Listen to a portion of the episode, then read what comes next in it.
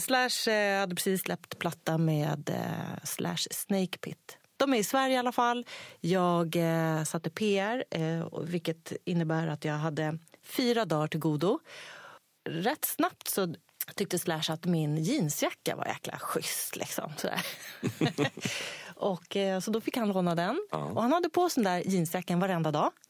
Och sen när eh, vi skulle skiljas åt efter fyra dagar på Arlanda så ville han behålla jackan. Ja. Ja, men okej, behåll jackan, men då får du ge någonting tillbaka. Vi byter. Och då fick jag det här armbandet. Hej kära lyssnare och välkommen till Rock Dudes nummer 87. Och den här gången ska vi gå bakom eh, scenen i musikbranschen och prata om PR. Och vår gäst den här gången är Anna Moore som har jobbat med PR och artistcoachning i ungefär 25 år. Hennes första bandprojekt var inga mindre än Nirvana. Anna har ju som sagt var en lång erfarenhet att jobba med band och artister inom musikbranschen och detta har hon nu lyckats tratta ner i en bok som hon nyligen gett ut som heter Scenen är din, gör ditt varumärke till en hit. Och det är ingen självbiografisk bok där hon berättar om sin, bara om sina erfarenheter och hennes liv. Det här är mer en handbok om hur du ska lyckas som artist. Även sjukt bra för dig som jobbar just inom PR. Det här blev ett otroligt intressant samtal. Det blev en liten annan nivå på det för att egentligen var det inte helt nödvändigtvis att Anna skulle jobba inom musikbranschen utan hennes gebit handlar mer om den personliga kontakten med människan. Nej gott folk, nu är det slutsnackat från min sida utan att vi går rakt över till intervjun med Anna Moore. Välkommen till ett nytt avsnitt av Rock Dudes. Och eh, som sagt var, det är påsktider. Vad, vad gillar du påsken över? Rulla ägg, godis, massa godis, det älskar jag. Massa godis. Det är enda gången jag käka mycket godis utan att flickvännen är på mig. Ja. Men du jobbar ju med artister eh, och släpper skivor och sånt där. Liksom. Kanske inte riktigt tänker på riktigt eh, hela cykeln för en artist. Typ det här med image och hur de ska nå ut och sånt där. Jobbar du med sånt också? En hel del med eh, branding faktiskt, Mm. Ja, eller samarbeten. Kanske inte lika mycket med medieträning för de flesta artister vi jobbar med har nog bra kunskap när det gäller. Sen är det mesta intervjuer ju- körs via telefon faktiskt. Ja. Men det vore himla kul att djupdyka i ämnet, eller hur? Absolut, vi har en specialist med oss på etern tänkte jag säga. Välkommen Anna Moore. Tack så hemskt mycket. Hur mår du då? Jag mår jättebra. Mm. Vad gillar du påsken? Vad gäller med påsken, eh, jag tror att eh, det jag mest uppskattar med posten, påsken är att det blir några så här lediga dagar Mm. och att eh, ljuset och solen, Mm. så. Det lät ju deep, men det är faktiskt sant. Ja. jag är inte så mycket för godis och sådär. Men jag tycker om att måla äggen, det gör vi alltid Ja, just det. som tradition. Ja. Kul. Eh, ja, du är ju som sagt var, du har jobbat i musikbranschen väldigt länge och jobbat med artistcoaching och PR och, och den biten. Men egentligen så var det ganska mycket av en slump hur du kom in i musikbranschen om jag förstått det rätt. Ja, nej men det var en slump. Eh, om det nu finns någon slump. Men, men jag Ja. hade liksom inte tänkt alls att jag skulle jobba med artister eller musikbranschen. Eh, utan det var en slump på så vis att jag var nyutexaminerad från universitetet. Jag hade gått en linje eh, som heter personal och arbetslivsfrågor. Eh, med fokus på psykologi, för jag älskar psykologi. Jag hade nästan bestämt mig för att jag ville forska inom grupppsykologi. För det tyckte jag var så spännande. Det tycker jag fortfarande är spännande. Och sen, eh, men ehm, istället för att fortsätta ansöka till så forskarutbildningen eh, ja, då, så fick jag jobb direkt på um, där jag hade praktiserat Okej. under min utbildning. Ja. Och då hamnade jag på ett stort företag som idag heter Accenture, som är så management och eh, konsultbolag som man gick omkring i dräkt. Jag hade håret bakåt och det var väldigt så professionell och det tyckte jag var jättekul. För då hade jag, innan jag pluggade på universitetet, hade jag jobbat i baren, på Birger bar, varit mycket uteliv, hade varit DJ och så här. Så jag kände att nu var det liksom ordning och reda, hade ett riktigt jobb på dagtid. Så, eh, så till saken är att jag har, eh, eller min äldsta väninna, vi är fortfarande väninnor, och det är Meja som man kanske känner till från All About the Money. Hon blev så här Japan-fenomen då. Men det här var innan eh, hon slog igenom stort i Japan. Då var hon aktuell med ett band som heter Legacy of Sound. Som var med Anders Bagge och Peter Svartling och så var det hon och så sjöng de Happy. Aha, Alltså det här är så, det nu snackar vi 90-tal här. Allom för min I början av 90-talet någonstans. Alltså det är eller? bara 90-tal och det var ju så stort sådär. Hur som helst. ehm, så ehm, kom hon eh, till mitt kontor. Jag hade så eget rum, jättetjusigt med en, en dator som var jättetjock som jag har bild Ja, på. en i- datorer på 90-talet. Men Men, alltså- var det en vanlig dator eller var det laptop då också? Nej, nej, nej, Nej, vänta, darling, darling. Det här var innan mobiltelefonerna. Ja. Alltså jag, när jag berättar det här känns det som att det är från stenåldern, vilket i och för sig är. Men hon kom upp till mitt kontor för att låna min dator för att mejla lite kompisar i USA. Och då, och, och då när hon tittar sig omkring, hon kom in så här fullt munderad som en riktig popstjärna med så här afghanpäls och stövlar upp. Eh, du vet, hade shorts och lite nätstrumpor och höga stövlar och en så här kristall som var populärt på 90-talet. Man skulle ha kristaller runt halsen som man inte fick röra. Som, som blev så bra energi. Så kontrasten där, Meja och så står jag med min dräkt och kjol, nylonstrumpa och lite klackig Ehm, och hon tittar på mig och var så här, alltså Anna, du kan inte jobba i den här miljön. Du måste in i musikbranschen. Fick hon för sig. Okej. På den vägen var det. Men vad baserar hon det på? Nej, men hon tyckte att... Och det är så bra om jag hänger lite här. Det känns som att jag kommer fan ha monolog här en timme. Sorry. Nej Du får klippa i det här. Ehm, nej men Meja, eh, vad hon såg i, i mig, jag tror att hon... Jag vet faktiskt inte. Hon hittade ju Robin, så hon kanske hit, såg någonting i mig. Ja. Nej, hon, hon, eh, hon tyckte nog att det var lite för strikt där. Hon tyckte att jag skulle ha lite mer kreativitet. Hon, hon såg nog att jag var rätt, jag var rätt stressad också. Sådär. Du vet, väl management. Så då fick jag, hamnade jag på ett förutsättningslöst möte på MC Music, heter det då. Mm. Det var innan det blev eh, Universal Music.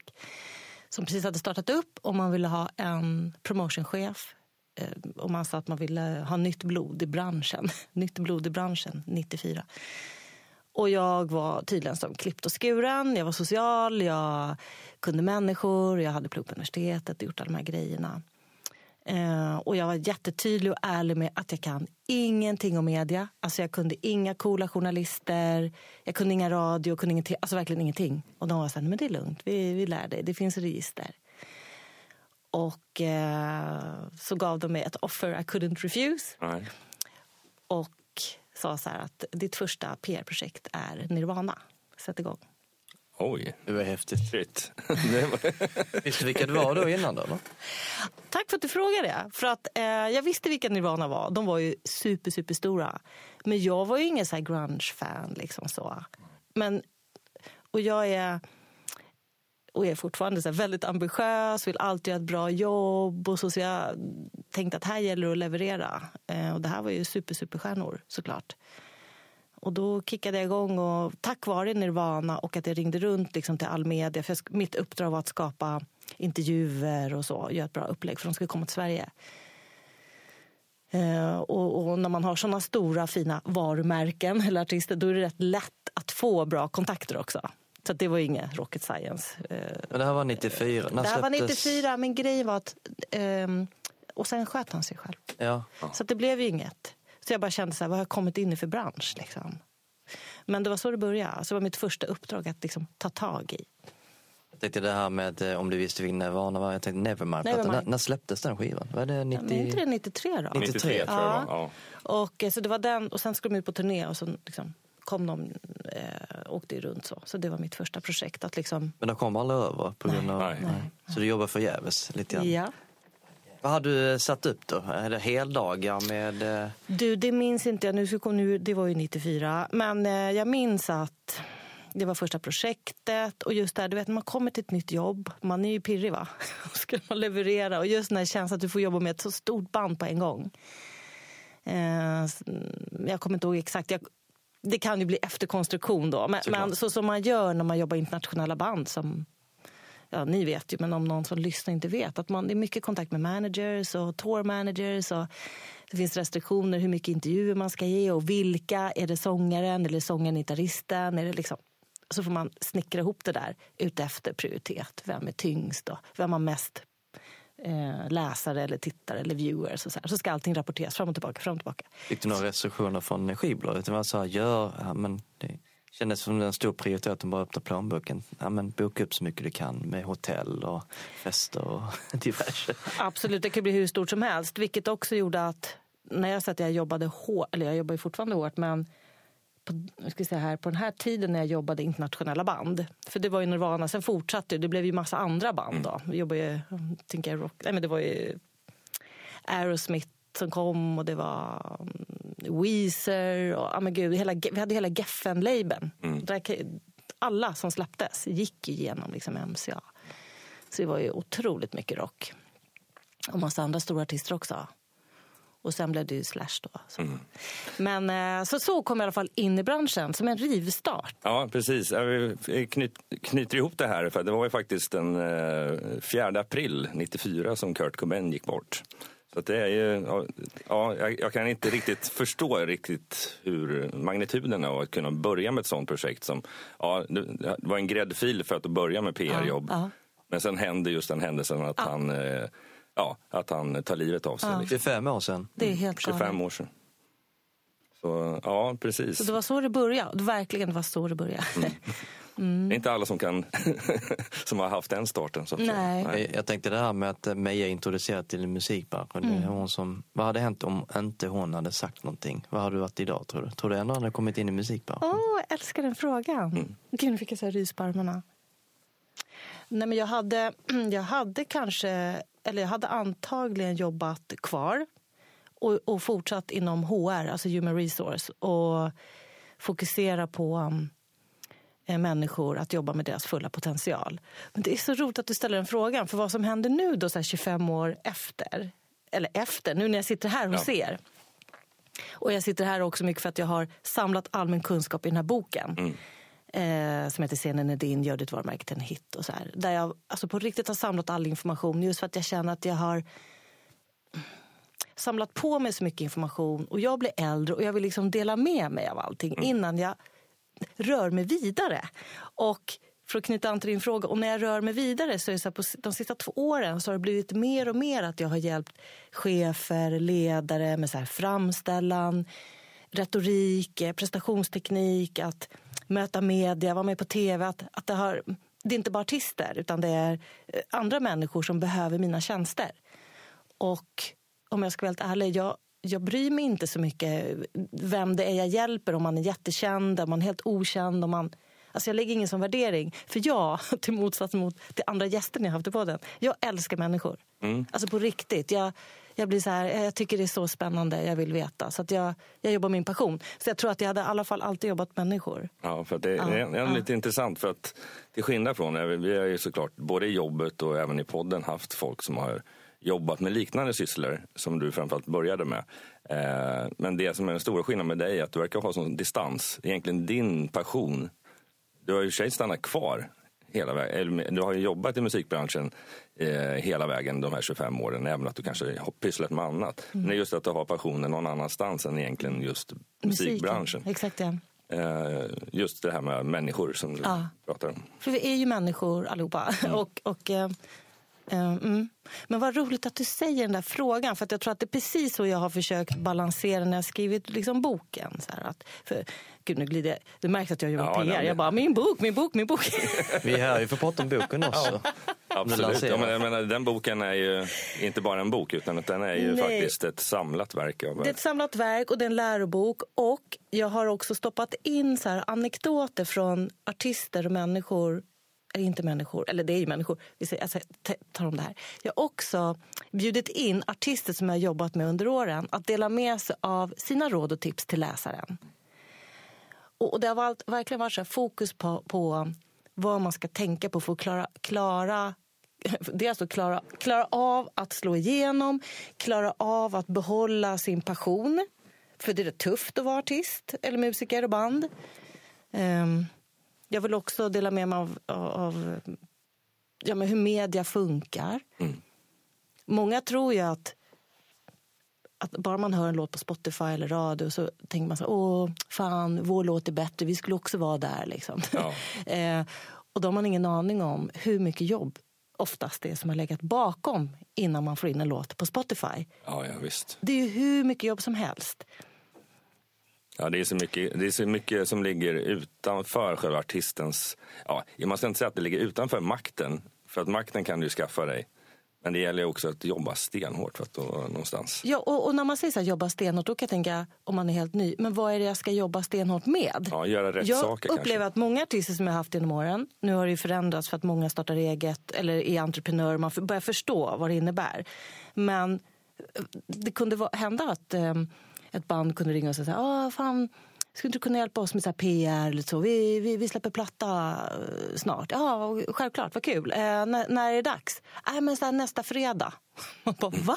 Nästa fredag? Man behöver ju typ två, tre månader på sig att bygga upp då, eh, ett engagemang med sin målgrupp och man bör höra av sig till en media som kanske är intresserad. Och det finns så mycket så här införsäljning, att sälja Ja. in som en typ av PR-person som jag gör. Och när jag föreläser om det eller har utbildningar så på skolor och så, då säger många studenter så här, men gud, jag hade ingen aning om att det fanns någon som ens gjorde det där jobbet. Nej. Sen behöver det inte vara jag som PR-person. Nu är det e- egna labels och nu har ju alla de här arbetsuppgifterna delats upp.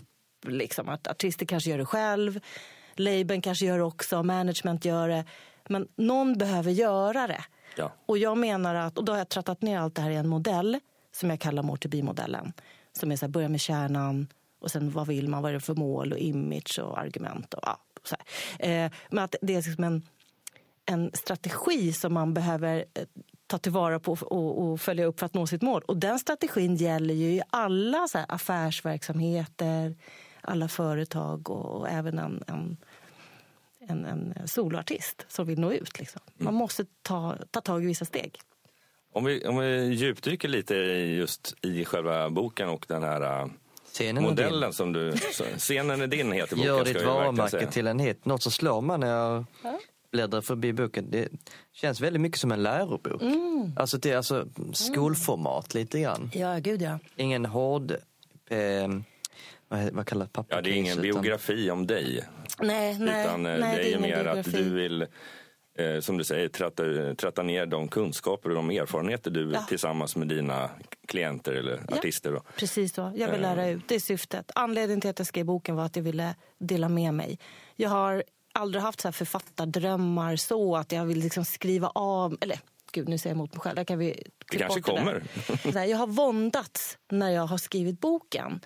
För att vi ska säga, prata är jag bra på, coacha är jag bra på. Men just det här, att skriva en bok. Hade jag vetat hur svårt det var, då hade jag nog omvärderat mina idéer. Men jag fick liksom en, en inte en vision, men en, en eller, jo, jag fick en vision att jag vill dela med mig av min kunskap i en bok. Och så har inte jag kunnat släppa det där. Eh, och nu då, jag hade, ja, nu, typ tio år senare, så, så är, är den där. Och syftet är att dela med mig. Att liksom den dagen jag försvinner, det kan antingen från, från jorden eller att man går vidare eh, eh, till en annan bransch eller typ dör så, eller lägger ner be, så finns min kunskap i en bokform. Och det har drivit mig. Typ Ja, för det som ska tilläggas utöver det som du skriver i boken är att du har hållit mycket utbildningar. Ja, just det. Är det någonting du har hållit på hela vägen eller är det någonting nu mer på senare delen? Om... Jag har föreläst rätt många år. På, det började med att jag var nere i Nyköping, så här, eh, musik och eventarrangör. Där har jag varit oh, nästan tio års tid, tror jag. Och intressant att du frågar, för att jag tror att det var i samband med att jag stod och lärde ut så där, PR och marknadsföring som jag tänkte, men gud, det här ska man kunna ha som en bok som man kan dela med sig, eller ett kompendium, någonting som man kan dela med sig. Men sen är det svårt att att få tiden att räcka till att skriva ner allting och en bok kräver jättemycket. Då, så. Men där har jag föreläst. ehm, och sen har jag de sista två åren varit väldigt engagerad i en onlineutbildning som heter DMG Education. Och det har varit jättespännande för där kör man online. Så sitter jag och pratar in den här gröna kameran på min Mac. Så här, Hej allihopa! Du pratar in och så kopplar folk upp sig. Ja. Det har varit jättespännande att ta den här nya liksom, online-eran. Och då förberedde jag massa slides. Och första kursen där då hade jag liksom, skapade jag 47 lektioner. Alltså 47 timmars content. Det är rätt mycket alltså, som jag hade Väldigt då på mycket. en fyra eh, period. Och då kände jag så här, men gud, nu börjar jag, jag skulle kunna ta de här slidesen och skriva till att det blir boken. Och då började hela den här Mortebi-modellen med strukturen. Var ska man börja någonstans? Det är kärnan. Du vet, det började ta sin form. Och sen efter uh, olika vänder med förlag och så där så landade jag i en kvinna som är redaktör då, som kan inte hennes titel, men hon har jobbat mycket med, ped med pedagogiska böcker. Så. Mm. Och jag själv vill vara pedagogisk. Så, så, att vi har tillsammans med hennes man som är formgivare skapat liksom en strukturen i boken. Och jag har tänkt på de som har, som har dyslexi. Eh, att det ska vara lätt att läsa den. Man ska kunna skriva sina egna noteringar på kanten. Mm. Och sen är det övningar och så här. Eh, och sen har jag också fått mycket pepp, peppning av studenterna som har hejat på mig. Ja, det är så. Ja, det är jättebra. Ja, för, um, för jag har varit osäker att skriva. Jag tyckte det varit ett stort steg att ta, liksom, mm. att bli så författare. Och... Det blir så mycket, alltså, att, även att du har hållit utbildningar så pass länge, mm. så du är erfaren, du vet vad du ska berätta och du har din setup där. Liksom. Ja. Men när man väl får ner det i en bok, ja. sen när du har gett ut den, då går det liksom inte att ångra sig. Exakt. Och så att jag har fått så mycket pepp. Ja. Jag har också, um, bokens manus har varit ute hos många, eh, bland annat studenter som har läst och tyckt och tänkt. Mm. Så att jag har fått jättebra feedback. Någon sa, men Anna, har du tänkt på manligt kvinnligt perspektivet? Har du tänkt på mångfald? Har du, du vet? Och jag bara, men gud, hur kan jag ens ha glömt det? För jag har varit så inne i att jag ska dela med mig och hitta roliga eh, anekdoter och så här. Så att, um, mm, så tack till alla som har hjälpt mig och tack för ja, tack för allt. Jag hade aldrig klarat mig utan stöd. Nej, precis. Det är det. Väldigt fint mottagande av boken. Alltså det har verkligen ah. spridit sig bland, eh, inte bara inom musikbranschen men också liksom, till och med kommersiella. Ja. Tror du någonsin det? Eller? Alltså jag kan säga så här. Um, jag, hade, jag, är så otroligt glad och tacksam utifrån det här som jag beskriver, att det inte varit lätt. Um, och jag kan också, innan jag berättar, så att man fattar min glädje, att, att det är så eh, för mottagandet. För att för ett år sedan så fick jag ett förlagkontrakt med ett jättefint förlag. Och de gillade mig som person och eh, tyckte manuset var intressant och bra. Så här. Sen när vi började jobba så säger de så här, ja du Anna, det är ju bra det här men vi skulle ju vilja att du skrev liksom till alla entrep entreprenörer i Sverige. Och jag bara, nej men vänta här nu, jag vill inte skriva till alla entreprenörer. Vadå entreprenörer? Någon målarfilma i Växjö? Vad ska då? Alltså jag kan inte skriva till dem. Jag kan skriva till artister och andra konstnärliga människor. Ja men Anna, det blir för trångt. Vi kommer inte kunna... Det är en ekonomifråga det här. Och då sa jag, ja men då, då blir det inget. Liksom. För jag kan inte skriva till alla. Jag måste skriva till min målgrupp. Um, så då föll den dealen, fastän att vi hade så här, skålat i champagne attans. Så då, då kände jag mig väldigt lik en artist själv det här med, och som jag själv har coachat när jag varit så här, stå på dig, gör din grej. För det var lite så här, kan du lägga på lite mer gitarr och göra lite mer kommersiellt va? Man bara, eh, nej det kan jag inte. Jag vill göra min rock på mitt mm, sätt. Yeah. Så att um, då bestämde jag mig för det ett år sedan att jag skulle gå min egen väg då. Så då hyrde jag in en, en, en independent, eller vad säger man, ja, den här redaktören mm. för egna pengar. Tänkte, jag, jag vill ha en bra struktur, jag hyr in henne och sen kanske jag släpper den själv bara, eller print on demand och så här.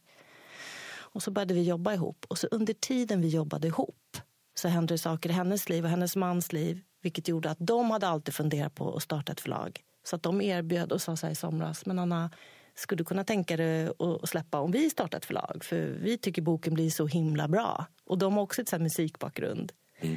Så, då, då, så den här boken blev första utgivningen från dem och ja, mitt första bokförlag. Vad fint. Så det blev fint. Och nu kommer vi då till mottagandet. Så att, och vi har så här pumpat in egna pengar i det och de är ju helt nya liksom och sagt så här, du, vi hjälps åt. Um, så när, eh, och, och, och, Tobias då som har jobbat för mig, han har gjort PR på det för jag har känt, för de var först men Anna du har jobbat PR, du kan väl ringa själv? Men det kan jag ju inte göra. Bara, hej hej, Anna Moore här. Vad säger ni? Ska vi, kan ni boka mig? Det är typ det jag säger, ja. att man ringer inte på Ring PR. Så Tobias ringt runt och så här. Och när han, när han informerade om att SVT Morgonstudion ville ha mig i tv. Alltså jag började nästan gråta och var så här, men, men vänta, vänta Tobias, har de läst boken? Ja, det är klart de har läst boken. Är du säker? Du vet, jag kunde inte fatta att det var sant. Så då fick jag sitta i morgonstudion tio minuter. var helt fantastiskt. Ja, jag kollade att på de eh, ja, gjorde det. Och sen eh, med P4 och massa fina radiogrejer och lite poddgrejer. Och så får jag ju vara här. Mm. Och sen kände jag att nu måste jag nog lugna ner mig på sociala medier. För jag har ju bara, det varit en tsunami liksom. Jag har släppt boken! Ja. Och då kom ju Jan Gradvall där och hade mig som ett av sina favoriter i Dagens Industri Weekend. Då. Och då var jag så här, jag måste ju lägga ut det. Alltså jag blev så glad för den. För där skriver ju han, precis som du säger, det är ju en lärobok. Att jag har trattat ner allting och delat med mig. Och han tyckte det var fantastiskt. Så då blev jag jätte, jätteglad. Så jag Men superlycklig. har du, har du, apropå det där med eh, så som de, det första förlaget var på dig, att Ja. ja. kan inte du skriva för alla entreprenörer, men har det även spridit sig på det sättet så att andra har läst det? Ja, men det är det som är så roligt. Svar ja, Mm. du har ju gjort det. Precis som du började säga, att det är inte bara musikbranschen. Och nu, eh, jag nämnde ju kort innan här att jag hjälper även företagsledare och vd och, lite så här, och coachar, vilket jag tycker är super, superkul.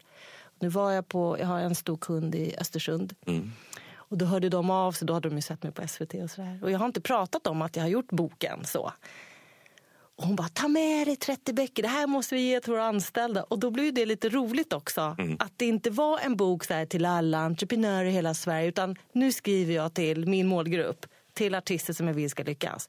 Och det går ju att copy-pasta modellen till om man är ledare eller till om man är idrottsman eller whatever. Så att, ja, det har Så det första sig. bokförlaget, om de hade bara ignorerat allting så hade ändå lyckats i slutändan. Nå ut till målerifirman i Växjö tänker jag, eller, eller någon annan. Exakt! För mottaget nu har ju uppenbarligen spridit sig till lite varstans här som inte är musikbransch. Nej, men exakt, visst är det roligt?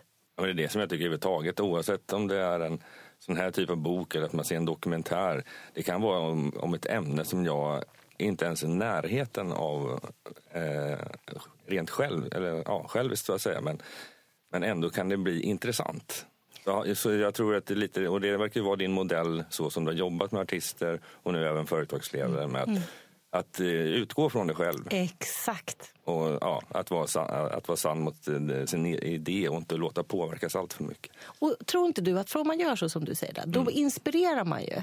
Oh ja. För jag tänker att som människa vill man bli inspirerad. Och det var så som jag har blivit inspirerad av människor. Blir så här, wow vad coolt. Gör du den grejen? Eller så, är det så du ja, spelar din country eller din jazz eller rock som kanske inte var något som jag hade lyssnat på själv. Men då blir man ändå så här, man bjuds in och så vill man också ta del av det där. Det är det som är det häftiga, att vi alla är unika. Och liksom, men att man ska våga, och det är det jag har coachat. Och jag inser när jag sitter och pratar med er också att det- har också blivit så omvänt. Det har hjälpt mig med. Och det var ju kaxigt, tänkte jag, att skriva Scenen är din, gör ditt varumärke till en hit. Men alla de modellerna som jag har skapat har jag gjort på mig själv. Och nu, jag vet inte om jag vågar säga att det blev en hit, men utifrån våra referenser så blev det en hit. Att liksom stjärnorna måste ha stått rätt till. För just den 21 mars så blev det bara så här, den kommer verkligen ut. Jag vet ju hur tufft det är att komma igenom. Men är det här lite av ditt första, för att du jobbar ju med eh, artister och företagsledare med att de ska vara, gå in, ja, utgå från sin kärna. Hur har det varit för dig? Jag förstår ju att den, med den här boken har du ju stått på det, att det här, det här ska vara skrivet på mitt sätt, Exakt. min målgrupp. Men ditt brand, okej, du jobbar ju mycket i bakgrunden såklart, men din, du, som, eh, du som brand, har du även varit mot dig själv hela vägen också? Exakt ja. Eh, svar ja. Och jag, jag kan ju erkänna att det är därför det har tagit tio år. För det har varit en process att för mig som är bakom att kliva fram på scenen och säga så här, hej allihopa, här är min bok, så här gör ni. Även om boken är till andra som, som ska bli stjärnor så har jag ju varit tvungen att ställa mig på min egen scen. Och det skriver jag i boken också, inte så mycket om, men lite. Eh, liksom var jag kommer ifrån och, och min, inte kamp, men när jag var liten så hade jag inte helt lätt. Och jag var jätteblyg och jag kände mig jättekrullig och jag tyckte inte om att vara eh, brun liksom och, och längtade efter min biologiska pappa. Så att, liksom, jag har haft en personlig resa som som jag liksom, hur ska jag säga, som har legat med mig hela livet. Sen har jag ju utbildat mig och lärt mig personlig utveckling. Men vilket gör att jag har ett seende så att jag, jag hjälper andra. Och så, som jag sa nyss, att oavsett hur känd man är så ser jag att alla är vi en liten version av oss själva långt där inne. Mm. Utan att låta för flummig, så här, sluta inte lyssna nu. Men, men, men de tuffaste kanske har den där med räddaste lilla killen eller räddaste lilla tjejen. Eller, Jag tycker många har en sån story som kan, de som även står på scenen, antingen som artist eller som filmstjärnor eller vad det än kan vara, är ju ändå att de De flesta pratar om den här lilla personen någonstans. De började där. De börjar där. Och någon revansch eller någonting sånt. Och också. mycket revansch, absolut. Jag tror att det är det som driver oss framåt. Och eh, kul att du säger revansch, för att jag hade Mm. idéer på att skriva boken utifrån ett så här revanschtänk.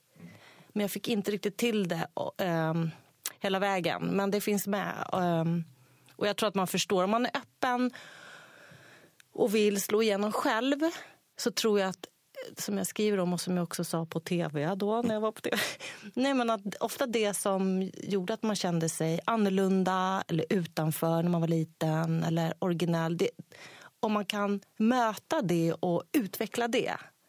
Och utveckla det det kan vara att man utvecklar det i eh, sin image eller man pratar om det eller man hjälper andra i det då når man igenom. Så att man går ju bär på något som är unikt. Men många av oss vågar inte ta i det för det är jobbigt och man vill, in, man vill inte gå in i minnena för då får man ångest. Men jag tror att om man möter och gör någonting bra av det, liksom, då har du någonting unikt. För alla har vi stories. Ja, det finns absolut. ingen som inte har någonting jobbigt eh, med sig. Det här eh, nystartade förlaget eh, heter ju Under the Kite Publishing va? Har du tänkt på att du är den eh, Meja som eh, gjorde att de skapade ett förlag? På grund av det då? Precis som att Meja upptäckte dig. Men gud vad du är rolig. Vad säger du nu för smart? Vad säger du? Då är jag... Knyter ihop säcken lite Knyta där. upp säcken lite grann. Meja upptäckte dig du hamnade i musikbranschen och du upptäckte dem och de i sin tur startade ett förlag baserat på, på dig. Ja, precis så. Hör du det Chris? Ja. Gud vad roligt! Chris är hon som... Den här verksamheten med bokförlag är väldigt tuff annars. Jag tänkte, ja, för- har de släppt lite mer därefter? Flera läroböcker? Eh, eh, det här andra bolaget. Ja, ja, Under jag the Kite. Nej, jag Under the Kite. Nej, jag var ju först ut nu då, 21. Ehm, men jag vet att hon håller på med andra författare och det kommer vara lite roligt. Ehm, för det kommer vara med lite så musikanknytning. Så. Mm. Tänk om det kommer kanske en fortsättning på din bok på samma förlag. Ja, det vet man ju aldrig. Ja, vi det får se. ja. Men alltså, då ska jag nog bli lite varm i kläderna. Jag har precis landat här nu i att jag har släppt boken. Det är sån release alltså på... um, Om vi säger så, har du fått blodad tand? Det är lite för tidigt för det också. Tidigt. Det är för tidigt, men det är så roligt, apropå Meja, hon ringde eh, hon tycker att det här är så roligt. Vi har ju följt varandra genom hela livet. Det står mycket om Meja också i boken, för där, jag var ju med henne när hon slog igenom i Japan och allt det här. Och vad vi lärde oss av det båda två. Hur som helst ringde hon, eh, för det blev ju sån succé med hela den här release. Jag hade en bokreleasefest också, en öppet event. kom ju hur mycket folk som helst till Sturegallerian. Så jag gick ju som på moln efteråt och så ringde hon och bara Anna hur går det nu? Nu vet du hur det känns att stå på scenen och nu kan jag tala om för att snart kommer du åka ner i källaren. Då kommer du bli deprimerad. När det blir sån här after bla bla bla blues liksom. Jag bara jaha, säger du det? Okej, då förbereder jag mig på det och åka ner i källaren. Så att jag tror att jag kanske rider fortfarande på det här roliga. Ja. Eh, och sen blev jag förkyld och sådär. ja, Min kro- ja. Men eh, jag vet inte. Jag tränar ju rätt mycket för att hålla min, mitt psyke i balans. Är Mycket så crossfit och yoga. Och, så att jag, mm, och sen är jag, jag är ju äldre. Jag är typ, Gör väl ingenting? vilket gör att jag tänker att jag har fötterna på jorden på ett annat sätt. Ja, Jo, precis. Men, ja, jo, men å andra sidan, du har ju jobbat i bakgrunden och byggt upp artister. Du har ju sett vad som har hänt med dem. Eh, och så, liksom, så du har ju någonting i bagaget som inte alla andra har. Eh, den erfarenheten i alla fall. Absolut, ja. Ja, jag blir lite nyfiken för att jag ska ju um, djupdyka i boken sen efter det här samtalet och bara läsa igenom den. Eh, men jag tänker de som inte har fått eh, möjligheten att köpa den, vilket förmodligen kommer göra det efter det här samtalet. Har du några så här crash course? Vad, gör ditt varumärke till en hit. Vad ska man tänka på? Så Finns det några gyllene regler? Så? Om, om man skulle ta eh, fem minuter och det säger att vi har en, kanske en fiktiv artist som har hållit på ett tag men, eh, men som funderar på att anlita dig. Så skulle jag vilja ha din hjälp med att bygga upp dens varumärke. Ska vi ta något exempel kanske som vi... Som vi Ja, alltså, Jag kan, exakt, jag fattar. Jag hör, nu, jag hör vad nu ute och fiskar efter. Ja. Ehm, Det blir en väldigt... Nej, men jag förstår, det blir så här brett. Nej, men om jag bara pratar brett då. Boken får dig, som har hållit på ett tag, att först- att, att vässa till, jag säger vässa till det som är unikt med dig. Att, att tänka ett varv till. Eh, hur kan jag nå bredare. För många vill, jag vet inte vad, nu pratar jag bara rakt ut i luften här, men inte, alla vill ju olika saker. Men de flesta vill ha fler följare, vill att musiken ska nå ut bredare. Andra vill hålla, an, an, hålla som artister och så här. Hållbarhet, att man vill må bra igen. Många drivs av ångest och så här. Så då ger boken ett, ett retake på ens varumärke. Um, den kanske också påminner om vikten av att hålla dialog med sina följare som också är sin målgrupp. Den kanske också ger dig insikt om vikten av content. Att, att det ska vara värt att följa dig. Men mm. just det att, att det, det, kanske också ger, ger dig insikt om att det handlar inte bara om musiken. Det handlar om dig som person nu för tiden också. Vilket kan irritera många. För man tycker att men det är musiken som ska eh, tala sitt enkla språk. Men det funkar inte riktigt så nu med de nya generationerna. De vill ha annat, de vill ha mer av dig som artist. Mm. Så det är ett svar till de där som hållit på ett tag. Eh, och sen du då, du frågar vad är liksom crash course och bara, ja, om man ska ge liksom tre exempel eller bara tre, tre snabba tips. Eh, återigen, vad, ställa sig frågan vad är unikt? Vad är kärnan i mitt varumärke? Vad är det som är speciellt med just mig som artist? Mm.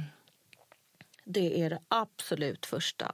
Och sen, vad vill du? Att liksom verkligen definiera och vara ärlig. Vad är målet? Och sen när man vet det ska man uttala det målet också. För det är inte alla som gör. Man kan gå med sina små drömmar, man säger ingenting. Säg vad du vill. Och då kan vi säga till men gud det är kaxigt och här är jantelag som gäller. Det är precis det som är grejen, skit i jantelagen. Säg vad du vill. Berätta för dina vänner eller för din manager eller vad det är. För vad som händer när man berättar om vad man vill, det är att man får oväntad hjälp. Eller medveten hjälp. Du får hjälp. Någon säger så här, jaha är det det du vill? Fan då hjälper jag dig. För det där, jag, jag ser också det hos dig. Så ett, din kärna. Två, vad vill du? Och sen tre, um, som någon av er sa, jobba hårt och mm. medvetet. Jobba hårt, ge inte upp. För, för, och jag, så, mm. Det var de tre. Och grejen är så här, att man inte ska ge upp, vilket många gör. Men de som håller kvar, det som jag säger, det här med att det man hör på radio, det man ser på tv, man tänker så här, men jag vill också med tv, fan jag är lika bra som den där. Mm. Ja men hallå, vet ni, det är som toppen av ett isberg. Jag tar eh, John Lundvik som exempel nu då, för han är aktuell i Eurovision. Mm. um, och då inser jag att nu när man lyssnar på det här, då vet man ju antagligen hur det har gått för honom. Ja, Men han är ju, har ju jobbat så länge. Han är sån Ja, han är inte 20 liksom. Nej, och han har ju kämpat hårt ja. och stått upp för, om man googlar honom ser hans historia bakom. Och, och, nu får han den här attention. Och det, han är så bra exempel tycker jag på att man håller på länge. Och ni har säkert, ni som lyssnar har säkert tusentals exempel på att man inte ska ge upp. Men jag tror, jag tror det är jättebra det du säger just det där med att skapa en målbild. Och, alltså, om man snackar företag så är det en, en affärsplan helt enkelt. Yep. Och hela tiden, för det är, jag kan själv känna så att när jag har suttit med olika satsningar som jag har gjort, då har man skapat den här affärsplanen eller målbilden man vill göra. Och sen har man skrivit ner den och sen så ligger den lite där. Mm. Och att man kanske sen har jobbat i fem år men hur många gånger har jag tittat på den här målbilden och hur många gånger har jag satt kryssrutor på det som jag verkligen uppnått? Det tror jag det är i och med att alla musiker är inte entreprenörer. Eh, och där tror jag, det måste man nog lära sig idag. För just det som du säger, man, det finns eh, en miljö idag där man kan göra mycket mer själv. Och förut kanske man har fått mer hjälp via management eller PR eller vad det nu kan vara. Olika coacher. Eh, men, eh, och då har man fått hjälp på vägen och då har de kanske ja, på, ja, återkommer till det, men eh, hur påverkar det här gentemot den målbilden du hade från början och så vidare. Så jag tror det är jättebra att uh, hela tiden återkomma till den där. Mm. Då, Hitta en formel för det. Du, du sätter verkligen finger på det. Som, och av en händelse så då, i boken mm. Mm. så hela den här modellen utmynnar i en sån här PR-plan. Mm. Så att då fyller man i en plan. Liksom, som är så här, vad vill jag, vad är mål, vad är image? När man har liksom övat sig igenom då har man en, en plan. Och då är det ett band eh, en av mina artister, Kerbera, då, då har mm. de delat med sig av hur de skapade sin PR-plan. Så att den också hjälper till om man är så helt handfallen. Mm. Så att, eh, och sen är, har jag som plan nu att skapa online-möten med de som har läst boken. Så då kommer jag kunna hjälpa till vidare i att göra den här PR-planen. Så att om man boken ska kunna räcka. Men vill man ha min attention så håller jag på att skapa online-grejer också för att hjälpa Det är till. superbra. Men det är precis så där som du säger, eh, och också den här vinklingen att man är artist kontra business men att nu gör man mycket själv. Och då behöver man någon liten hjälp på traven. Precis, och det som jag själv, de ja, inom musikbranschen som man själv pratar med, det är dessutom band. Det är ju som egentligen som ett... Alltså, jag säger inte att en enskild artist inte är ett företag. För det är ju massa folk runt omkring den personen också. Men ett band, de blir ju bara som grupp, som ett företag. Och där kan jag ju tänka mig att Absolut. kanske har en bandledare som är lite entreprenör. Sen De andra i bandet kanske inte alls är det. Eller så är de eh, kanske fem stycken som alla slåss om den positionen. Liksom. Så det är, men det är precis som vilket företag som helst. Liksom. Man, kan ju vara, men det är ju som, ja men eh, ni är två stycken som, som driver Dispots. Ja, Eh, och det är, ja, men ni är två viljor. två starka viljor. Ja, som, vi- som har olika åsikter om saker och ting. Olika styrkor också. Ja, exakt. Kompromisser. Exakt, och det är jätteviktigt att, att, att, att plocka fram det. Apropå grupppsykologin. Men hur grupper funkar. Ja. Och jag hör nu också när du pratar, jag får upp massa det här med band. Det är ofta någon som är vill, vill, vill. De andra kanske är lite mer följare, vill att någon talar om vad man ska göra. Vilket man kan se då också när man, när man ser ett band live, hur någon driver på. Och de andra är lite mer, hänger liksom Hänger med det. ja, hänger med och komponerar. Och där visas också i den här vad som händer utanför. Och nu då för tiden när man behöver jobba så mycket entrepren, entrepren, vad säger man? An- Entreprenör. Entreprenöriellt. Ja, exakt. Det var det. Det, det där blir ett nytt ord nästan. Nej, men nu när Ja. man ska jobba och göra mycket själv, do it Ja. yourself, Ja. så är det bra att ha lite hjälpmedel. Då. Vad, vad händer om det är ett band med fem starka viljor då? Kan det vara problematiskt? Svarar jag? Har det hänt? Ja, men det är klart det har hänt. Ja, men i din erfarenhet och du har varit med om det och du ska styra och försöka lösa. Jag har... Eh, jag jobbar ju som sagt då mycket med coachning, artistcoachning och det har hänt vid flertalet tillfällen... Eller jag kan inte prata. eh, Det har hänt flera gånger att jag blivit inkallad som coach när det är många järnviljor. Och jag tänker speciellt på, på en situation när det var Melodifestival och de kom inte överens, de var beredda att hoppa av. Men eh, då löste jag situationen tillsammans med dem. Då hade vi så här grupp, gruppcoachningar. Och det var, ehm, jag kan inte säga för då kan man lista ut för det är hemligt. Men eh, svar ja, gud. Absolut. Och det bottnade i dålig kommunikation och mycket så här att man tycker, någon börjar ledsna ur liksom, tycker så här, jag har gjort så jäkla mycket. Hur kan, ni säger du nu att du inte ska göra det där eller att vi inte ska på oss det där eller att instrumenten inte ska vara med på scen. Och, att det är mycket att, alltså, orättvis fördelning och att man inte har kommunicerat. Nej, precis. Det är klassiskt. Att man kanske då i en grupp då börjar trampa på varandras revir och Ja, ja. allt det där. Ja. Liksom. Och, hur, och det vet vi ju allihopa i det här rummet hur många som splittras. Hur många bra band har inte splittrats på grund av tjafs? Ja, exakt. Kan bara ta en av mina stora idoler som Metallica. De hade nog inte varit där de är idag om de inte hade tagit in en coach. Så får man ju, och, ja, det har man ju kunnat se i den filmen Some kind of monster. Väldigt. Mm. Ja, Har ni konflikt? Ska coacha er någonting kanske? Ja, vi har alltid konflikter. Jag gör allt och Ömer gör ingenting. Nej, men så är det väl inte riktigt. Så. bara. Jag är bra på att delegera. Ja, jag, kall, jag kallar Ömer för Jag, delegeringskungen jag, jag och det är brukar säga så, väl. utan mig så skulle den här podden inte ens existera idag. Nej. Det där är bara lärdom, så egentligen man har en idé så Ja. ska man bara sprida ut det för då kanske Ja. någon som mig så kommer hon bli lite impulsiv. Bara, ja, det gör Ja, vi. vi Och sen- börjar i morgon sa Ömer ungefär. Ja, men då var jag i Thailand också. Ja. Jag Ja, jo, det- jag sa att vi skulle göra det. Men eh, hur som helst, så fyra, fyra, fyra och ett halvt år senare så sitter man här och 80 avsnittet och har lärt sig otroligt mycket. Så att, Ja, ja. Nej, men för mig så har ju just, just det här formatet som vi bestämde oss för att köra, eller som jag kanske hade med mig redan från början, var just att jag är... Och det var ju samma sak med är så jäkla nyfiken på människor. Och det här, som, det här eh, som du jobbar med har jag ju varit egentligen nyfiken jättelänge på. Tidigt i podden hade vi med Thomas Jernberg som också är med där på DMG och kör sin grej där. Precis. Och, eh, ja, men det, är- det är just, just hela den här coachningsbiten tycker jag är eh, väldigt kul. lärorikt. Sen är det alltid kul det med mänskliga perspektivet. Det här med att nå sina mål precis som artister. Jag kan göra paralleller till en podcast. Alltså, de här 10 000 timmar som vi alltid eh, säger. att det, Fortsätter man bara och inte ger upp, till slut hittar man den rätta formen. Till slut står man där, ja men då är, det är som du säger, när det tar ju tid och övning är färdighet. Ja, exakt. Och en stark vilja såklart. Mm. Nu sitter vi här med boken i näven och kan säkert lära oss ett och annat också med att ta varumärket vidare ytterligare. Vad är nästa steg? När Ja, man har nått en tröskel. Ja, men det är framförallt, dels är det mycket lärdom men det är också lika mycket en inspirationskälla. Att prata med, prata med människor, läsa en bok. Eh, jag går oftast i fullständig spin bananas. Spin när man, när man hittar sådana där Det fina med den här boken som jag vill poängtera är att det finns en massa roliga anekdoter också. Ja, Och eh, du sitter här med faktiskt en fysisk anekdot. Precis. Du Kan får man- jättegärna berätta vidare. lyssna.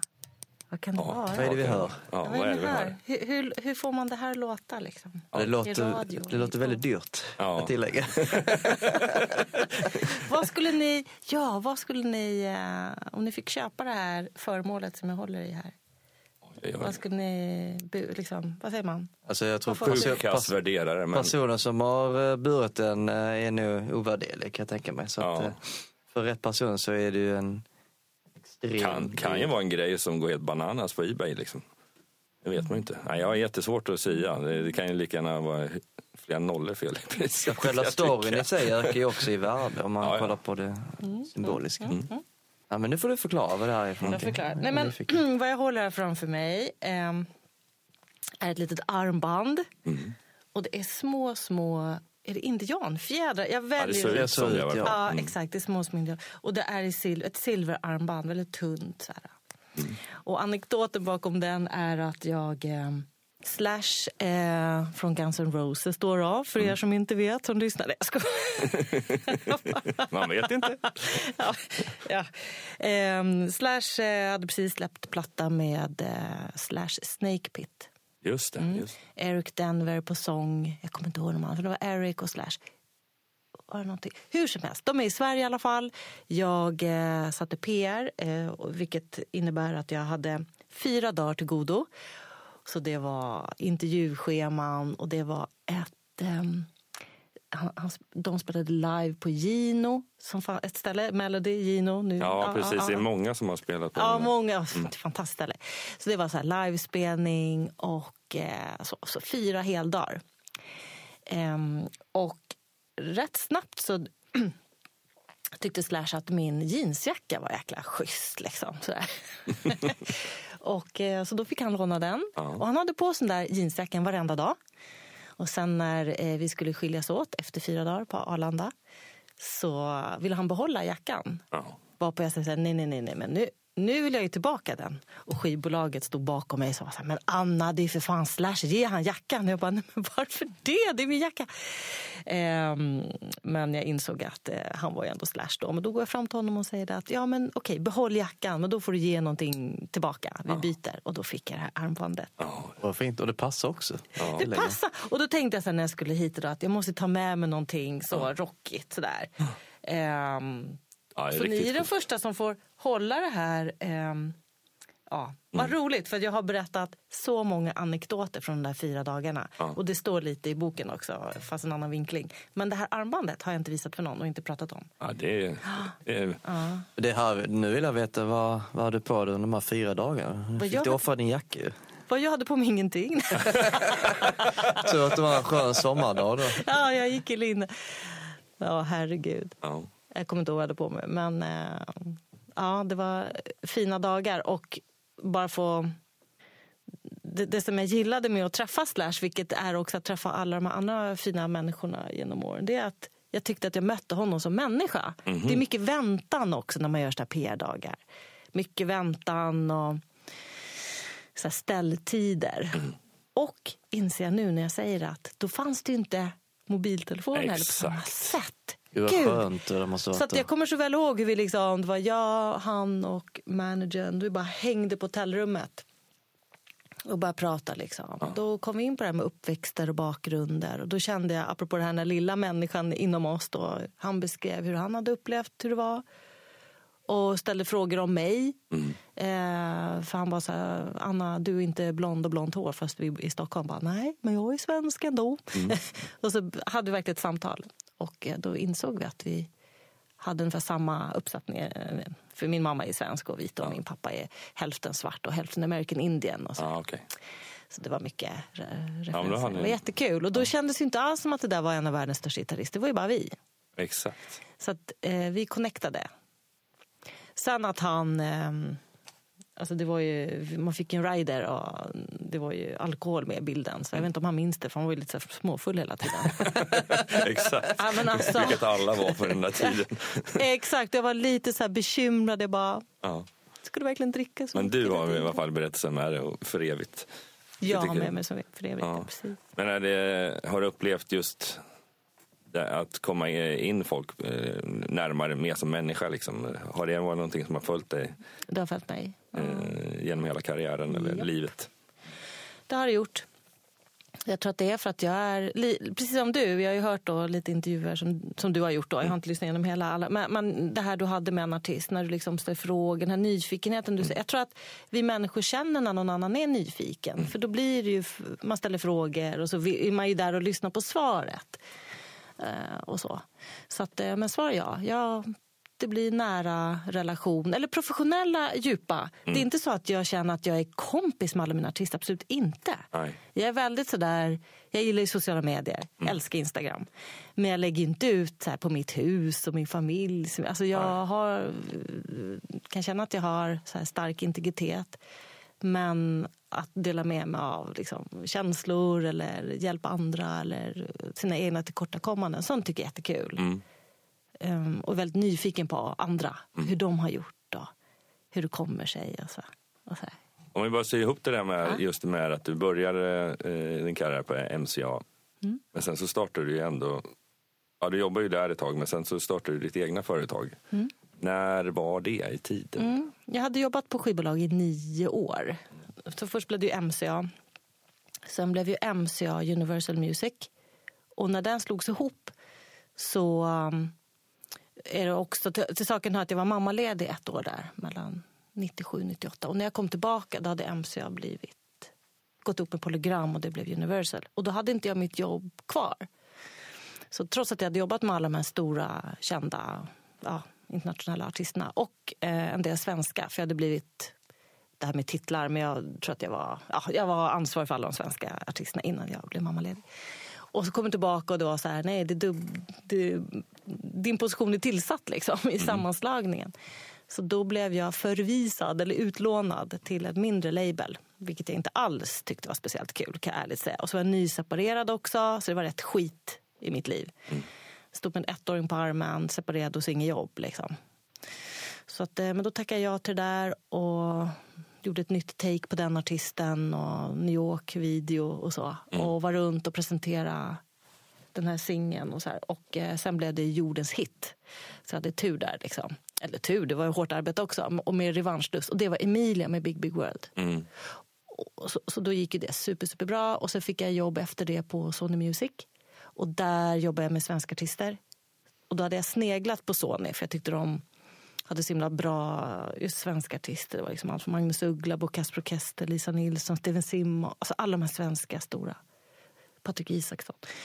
Um, så då jobbade med det och Meja då. då. Mm. Och då blev jag produktchef för Meja. Och, ja, ni får läsa om den här boken, jag ska ja. inte ta all er tid. Hur som helst. Um, men sen 2003, då, 2002, då, då kände jag att nej, jag, jag, jag, måste få jobba mer med artisterna. Jag vill lära dem mer, coacha mer. Jag tyckte att vissa artister slarvade rätt hårt med att vara förberedda inför media. Eh, det var också ett skifte när hemsidor kom och man blev mer av det här entreprenör-tänket. Att man måste eh, sköta sina egna kanaler. Mm. Att allt ansvar låg inte på skivbolaget. Så i den eran så startade jag eget 2003 och tog med mig, för du hade gjort allt med Emilia själv och var mm. så här, lite sugen. Fan, man kanske ska erbjuda själv då, PR och coachning. Så då startade jag upp More Och, och, och på riktigt, ärligt, jag kommer ihåg när förlä- eller hon redaktören, och hon säger så här, men Anna, Um, när var du startade eget? 2003? Ja, men, eller hur många år sedan var det? Hur länge har du varit egen? Jag bara, nej men jag tror att det är så här sex, sex, sju år sedan. Hon bara, men 2003? Jag bara, va? Är det 16 år sedan? Mm. Alltså på riktigt. Det var va? Jag har varit egen i 16 år för jag tror alltid så att det ska gå till helvete. Jag bara, ja men jag kör ett år till liksom. Ja, men jag vet inte vad jag gör om en månad. Nej. Så där har jag varit i 16 år. Så att, eh, svar på frågan, så det ena gav det andra och nu efter de här 16 åren så släpper jag den här boken och delar med mig då av de här 25-åriga erfarenheterna i att det fanns inga mobiltelefoner och hemsidor. Kommer ihåg när MySpace kom. Liksom. Oh, ja. Och nu kan man starta en mediekanal liksom, på 30 sekunder och möta sin eh, publik. Vilken, Ja, det är, det är häftigt. Men det är, det, även att det är enkelt så krävs det ju fortfarande. Idag är det nästan ännu viktigare i och med att många jobbar med det själv. Exakt. Det finns ju fler kunder för dig. Ex, där har boken. Ja. Och det är precis där som boken kommer in. För det är precis där som... För jag tycker det är så häftigt hur det funkar nu. Alltså på riktigt, jag är helt fascinerad av sociala medier. Jag tycker det... Och jag får så här rys på armarna när jag ser artister som verkligen når sin publik och bygger tusentals med följare på Instagram. Det är så jävla häftigt alltså. Men sen att kunna förvalta det vidare och liksom fortsätta göra lite business av det. eh, Det hjälper ju boken till med. Jag tror på en talbok. Ja, och, det, och, och bara en sån sak som att alltså det, det där går ju att spinna vidare på hur mycket som helst. Men om, om nu rätt personer anammar boken så skulle det kunna verkligen vara menar, i, i vilket möte som helst. Liksom, ett skivbolag som har sin artist, de, den kanske kommer med massa frågor till en om just det här. Fasen, jag behöver hjälp. Gud vad kul att du säger. Ja. En, jag fick en feedback från en student som har varit med i Mello två gånger och har gjort... Ja, han är grym person. Han sa så här i sin eh, feedback på boken. Han bara, alltså Anna, du har fan gjort en bibel. Den här skulle alla lablar ha och ge till sina artister innan de signar dem. Mm. Exakt. Jag Innan tror- de signar ska de ha läst boken och gjort alla övningar. Det är liksom, för då kommer de till skivbolaget eller de som satsar pengar, vilket man gör som label. Eller hur? Ni Ja, satsar ja, oh ja. sjukt mycket tid och pengar. pengar de måste ha koll på sitt liksom, brand. S- Och det som är bra om de gör en sån där grej det är att de säger så här, men vi behöver hjälp med kanske imagen, men det är det här vi vill. Mm. Ha koll på dina värdeord. Vad, vad, vem är du med tre ord? Världens första artistcertifiering. Ser Vi har det. Någonting. det vore häftigt. Det vore Tips- häftigt, tips vi Ja, men ju, alltså jag kan ju förstå grejen. Sen så kan man väl säkert eh, gå ner och diskutera, diskutera bits och bytes runt det där ändå. Men, liksom, men, men just, jag upplever väldigt mycket så i mitt vanliga jobb inom IT. Jag har ändå jobbat 23 år samlat och har ju, precis som du, massor med erfarenhet inom det. Men jag, och så kommer det in då olika generationsskiften under vägens lopp. Och alla, är, och framförallt de här, äh, kanske inte den här absolut senaste generationen, men de här just från 80-talet och 90-talet. De var så sjukt kaxiga liksom, att de kom direkt från skolan och tyckte de kunde allting bäst. Och ville helst nästan knuffa undan mig då som kanske åtminstone var tio år äldre. Och sen så lät jag dem, ja, gör så en månad. Och sen så ville de knappt inte ens vara kvar längre. Liksom, bara för att de tror sig att de har en bra plattform. Men, och vi, jag kommer ändå från en plattform som innehåller hur mycket certifieringar som helst. Det är bara att det finns de som är specialister på att ta de här certifieringarna. De kan ingenting. Utan de, de, de har läst till och svarat på frågorna i princip. Liksom. Här är ändå praktiska övningar som man dessutom kan se resultatet på ganska ja, svart på vitt. Liksom. Absolut. Det är, Jag tror på en Anna Moore-certifiering ja, exakt. till mina artister. Den ska heta så. Liksom. Exakt. Där får du vi, ta vi, med vi det. kör testpilot. Skaffa det kanske. Ja. ja, man, man kan ju ha det som benämning mer bara för att man vill veta att de har tagit uppgiften ser, Mm. Men du, seriöst. det, där har vi en bra idé. Till, jag pratar om att jag vill hålla på med online nu. Eller håller på. Jag håller på och researchar. För att jag, jag, I och med att jag, som jag nämnde då tidigare, att jag eh, har jobbat nu online så mycket och tycker det är roligt att liksom prata in och möta upp med folk. Då tänker jag att jag ska kunna möta upp med människor som kanske inte har möjlighet att träffa mig personligen. Och så kan man ingå som en grupp, så här, har olika grupper. Så kan man göra tillsammans, hålla på och bygga moduler. Och sen så släpper man fram då, ja, men hur känns det, går det med dina värdeord? Och så kan man hålla på. Workshops i den. Workshops ja. Men då tänker jag att då får du, kanske man ska döpa någonting med certifiering, artistcertifiering. Absolut. Jag tycker Ja, det är men, ja, jättebra. men framförallt så kan man, jag tänker bara ha den som motorn. Okej, du signar en- en artist, ett band. Eh, villkorslöst för att du tycker musiken är skitbra. Det ser ut som att de har ganska bra med följare eller no någonting. Liksom. Alla de här mätvärdena som man kan göra. Eh, och så säger man, okej, okay, jag satsar den här summan pengar på att släppa den här skivan eller vad det nu är för någonting. Men om du har den här, alltså jag vill även att du, certifiering. certifieringen, mm. då kan du kanske få 10 000 spänn mer. Äh, men, Nej, men exakt, summa, typ att jag signar dig om du går igenom den här kursen ja. online med Anna Moore. Jag blev den här Meja nu som uh, skapade det här. Ja, ja exakt. du är the brains. Ja. We're all ja, det här blir sjukt intressant här. The brains. Jag kan... för, alla där ute så vill jag ta tillfället i akt nu än en gång uppmana. Läs Anna Moores nya bok Se din, gör ditt varumärke till en hit. Och se om ni kan ta stärka ett varumärke ta din, äh, din varumärke till nästa nivå. Vänta, kan inte du säga det igen? Ska jag filma dig nu? Oj, jag gör bort det! Så till alla där ute som lyssnar nu till Rockdoers. Ta tillfället i akt och läs den här boken. Anna Moore, scenen din, gör ditt varumärke till en hit. Så att du kan ta din artistkarriär till nästa nivå. Ja, det är ungefär så, så skulle jag nog säga. Oh ja, oh ja. Vi kan sitta i timmar till, men jag tror att det är perfekt läge att avrunda. Anna Moore ska ändå göra sin certifiering så det här kommer ta tid. Så att, eh, vi är tacksamma för den lånade tiden vi fick. Ja, fantastiskt kul att ha dig här Anna. Tack så jättemycket för att jag fick komma.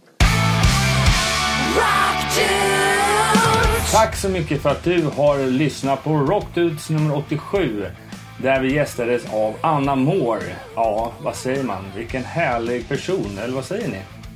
Ja, det var riktigt kul och informativt att lära sig om alla PR-trick och sen var det en jäkla kul grej det där med Slash. Och för att inte säga att ha Nirvana som sitt första projekt. Trots det som hände med Kurt Cobain. Är du intresserad av att ta kontakt med Anna eller veta mer om vad hon erbjuder för tjänster, ja, då kan du besöka hennes hemsida moretobe.com. Där kan du även hitta information om hur du beställer boken Scenen är din, gör ditt varumärke till en hit. Du kan såklart hitta henne även på sociala medier som både Instagram och Facebook. Apropå sociala medier så tycker jag du ska söka upp oss, Rockdudespodden, på antingen Facebook, Instagram, Youtube eller Twitter. Där kan du skriva en kommentar om vad du tycker om just det här avsnittet eller vad du tycker om vår podcast. När du är ändå inne på vår Facebook-sida så får du såklart trycka på gilla-knappen. Men du kan även klicka på recension och skriva en liten recension och ange vilket betyg du tycker våran podcast ska ha. Och detta kan du såklart göra även i podcaster-appen. Gingen är inspelad av Jonas Hermansson, Peter Månsson och Mia Coolheart. Och avsnittet är inspelat och redigerat av Jonas Löv. Nästa avsnitt, Rockdudes 88, ja då får vi besök ifrån Norge. Och då undrar ni, jaha, vem från Norge är det? Jo, det är frontmannen från ett band som spelar supportakt till Metallica under sommaren 2019. Och har ni inte riktigt listat ut det än? Nej, då får ni hålla koll på våra sociala medier. Fram tills dess, rock on! rock to